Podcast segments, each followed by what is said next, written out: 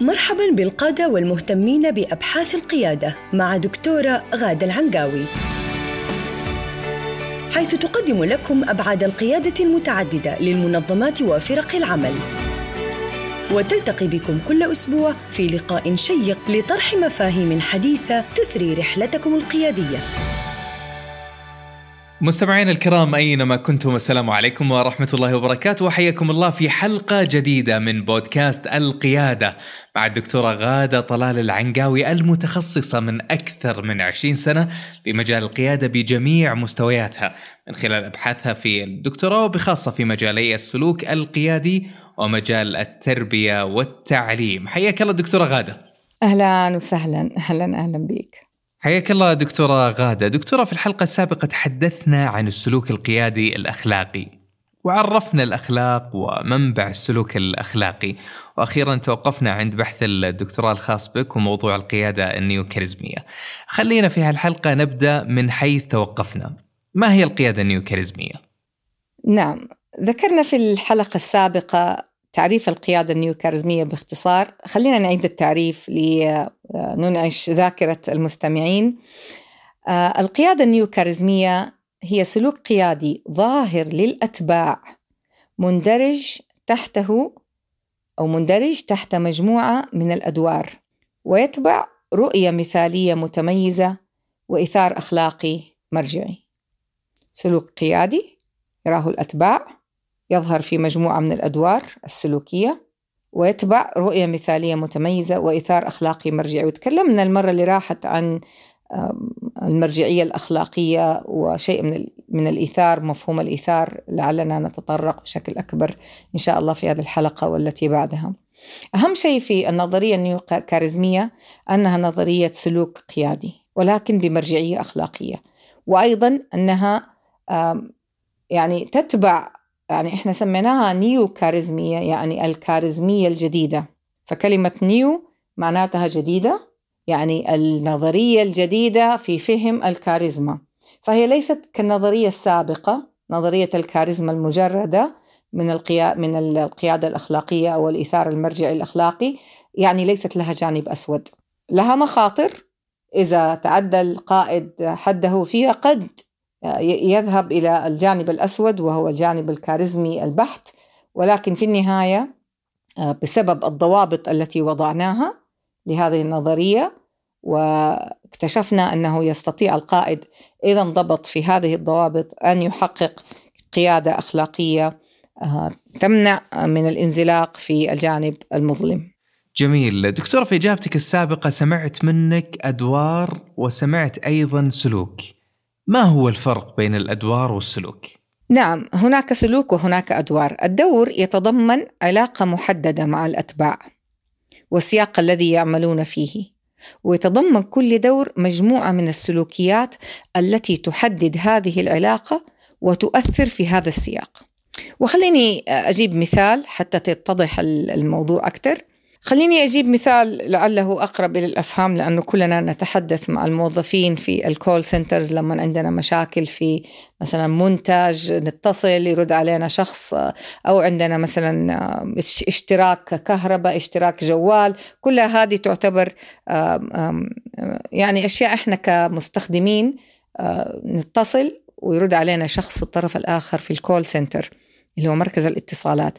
هذا الموظف يلعب دور الوسيط بين العميل والخدمة التي يرغب فيها ويقوم بعدد من السلوكيات التي تؤثر في العميل وتؤثر في الخدمة وتؤثر في المنتج وتؤثر في الدخل في الدخل أو الربح الذي يحصل عليه. يحصل عليه هذا الموظف. كمان هو يحصل على زيادة أو بونس إذا استطاع أنه يخدم العميل خدمة قوية.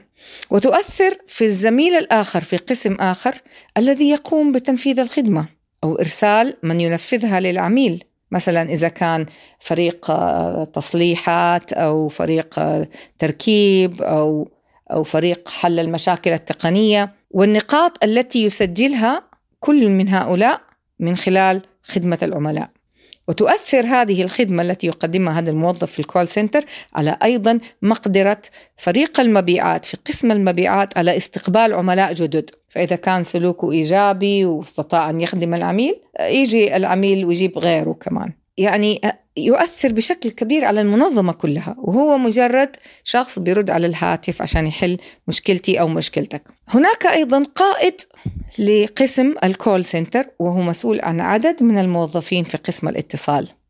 يجد القائد نفسه أمام مشكلة إذا لم يتم خدمة العملاء في نهاية كل مكالمة بشكل مرضي لمؤشرات الأداء الخاصة بهذا القسم. يعني في هذا القسم في مؤشرات أداء يعني الموظفين في ال call center أدوا أداء جيد أو ما أدوا في في نوع من المعايير نسميها مؤشرات أداء.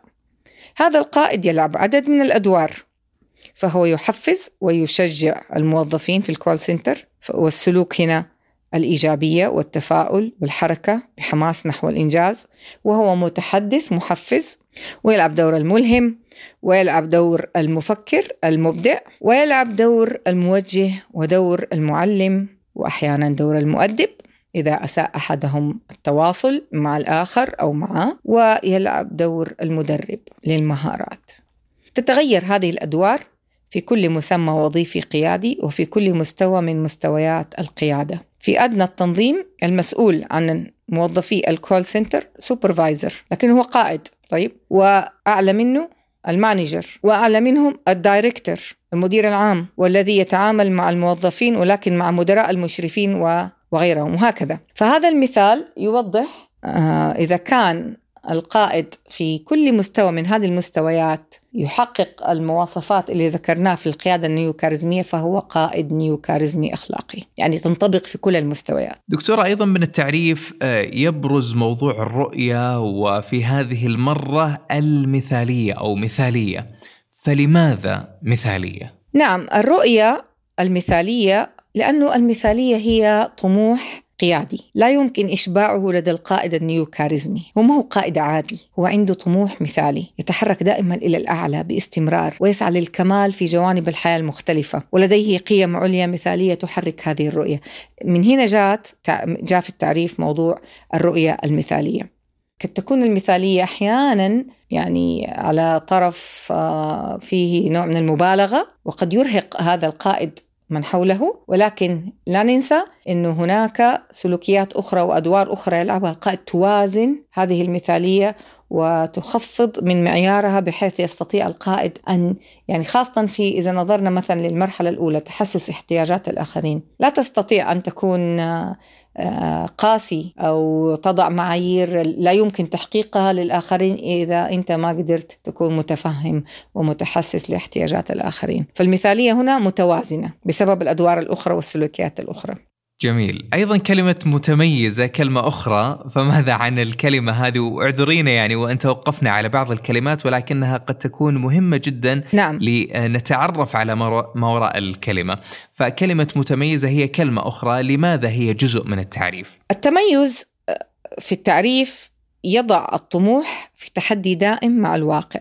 فبالنسبة للقائد النيو كاريزمي لا يكتفي لا يكتفي بأن يصل إلى مستوى معين من الجودة في الأداء التنظيمي ولكنه يبحث دائما عن معيار تنافسي وهذه صفة إيجابية خاصة في المنظمات الربحية وحتى في المنظمات الغير ربحية وحتى في المنظمات الاجتماعية والحكومية. المعيار التنافسي يضع دائما آه، نوع من التحدي يسمح للنمو وللتغيير ويعطي شوق إلى العمل. بالنسبة لكثير من الشخصيات التي تسعى إلى نوع من التشويق ونوع من التغيير في شخصيات كثيرة هكذا يشبع هذا التميز شرط التميز يشبع هذا النوع من التحدي ويضع الحافز طيب دكتورة نعم. الإيثار الأخلاقي المرجعي نعم. تحدثنا عنه قليلا في الحلقة السابقة فقط للتذكير آه، وحتى يكتمل مفهوم القيادة النيوكاريزمية آه، هل من الممكن أن نسوق مثال أو أن تسوقين مثال على ذلك حتى يتضح بالمثال المقال كما يقال. طيب أنا سأستخدم في موضوع آه، شرح الإثارة الأخلاقي المرجعي نفس المثال السابق اللي هو موضوع الكول سنتر. لدينا موظف. هذا الموظف individual contributor. يعني ما عنده فريق عمل وراه هو مسؤول عن مهنته وعن الأدوار اللي بيقوم فيها مع نفسه ومع ال supervisor تبعه. وعندنا ال supervisor اللي هو مسؤول عن مجموعة من ال individuals من الأفراد في ال call center من الموظفين. ولدينا ال director اللي هو أو المدير العام اللي هو مسؤول عن مجموعة من ال supervisors. الموظف ال individual contributor في ال call center يمارس قيادة الذات أثناء قيامه بمهماته. فمثلا التزامه بوقت الوصول والمغادرة آه، إيجابيته وتفاؤله في كل مكالمة وفي كل لحظة آه، قيمه التي تساعد على مساعدة العميل. وربط هذه القيم برؤيته الخاصة والتي تحفز وتشجع القيام بمهمته. وربط هذه القيم بالرؤية التنظيمية في البداية وأثناء قيامه بعمله. وكتابته للتقارير بعد كل اتصال. وتأكده من تحقيق المعايير الخاصة بالاتصال. ثم ينتقل إلى المستوى الثاني من القيادة القيادة للآخر أثناء كل اتصال. فاللحظة التي يرفع فيها سماعة الهاتف ليقول أهلا معك فلان الفلان.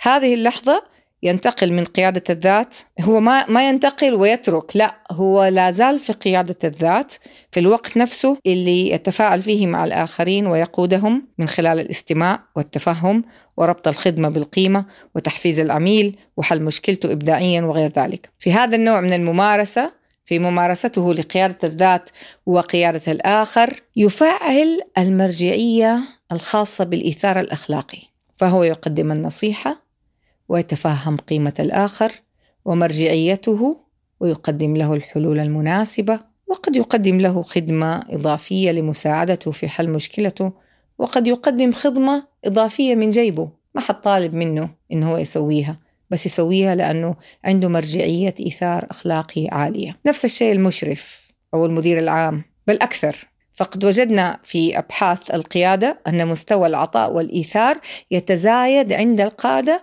مع ارتقائهم في المسؤوليات بشرط أن يكون الإيثار جزء من مرجعيتهم الأخلاقية الأساسية. فإذا عرفنا ذلك عرفنا أن المرجعية الأخلاقية مهمة جدا في نجاح وفي فعالية القيادة على جميع المستويات.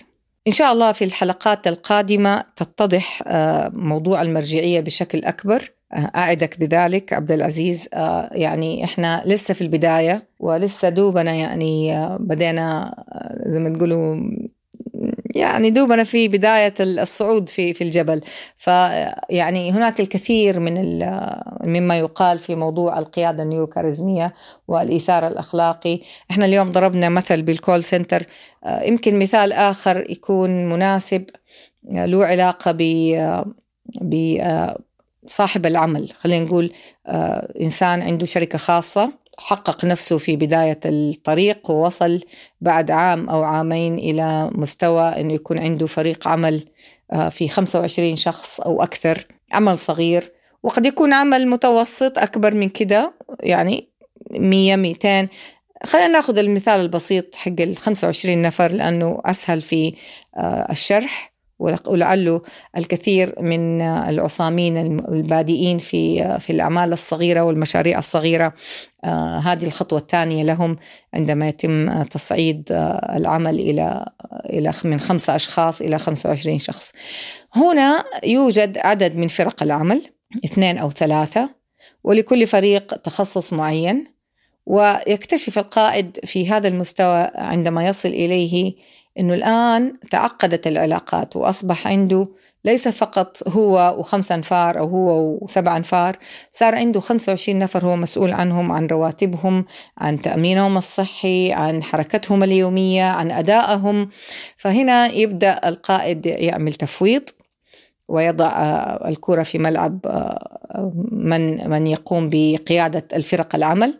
وهنا تبدأ يصير عندنا ثلاثة مستويات القيادة الذاتية وقيادة فريق العمل وقيادة التنظيم. في كل مرحلة في كل مستوى من هذه المستويات توجد قيادة الآخر وتوجد قيادة الذات. حتما لا يمكن أن يكون آه، القائد خالي من قيادته الذاتية لنفسه في العمل. آه، حتى وهو يقود الشخص الآخر في طريقة تعامله في طريقة تواصله في مقدرته على ضبط انفعالاته وتوجيه مشاعره في مقدرته على توجيه أفكاره في مقدرته على التفاؤل في مقدرته على مساعدة الآخرين في توجيه أفكارهم ومشاعرهم وتفاؤلهم والاستمرار في تحفيزهم. وهناك أيضا قيادة الفريق عندما يجلس القائد في غرفة الاجتماعات وعنده مجموعة من الناس جالسين حوله كلهم آه، جابهم آه، حضرهم لغاية مشتركة لنقاش موضوع معين للخروج بنتائج معينة. هنا يتم تفعيل القيادة الذاتية وقيادة الآخر كل واحد منهم في وقت واحد نعم وقيادة الفريق كله مع بعضه. فتتعقد العلاقات.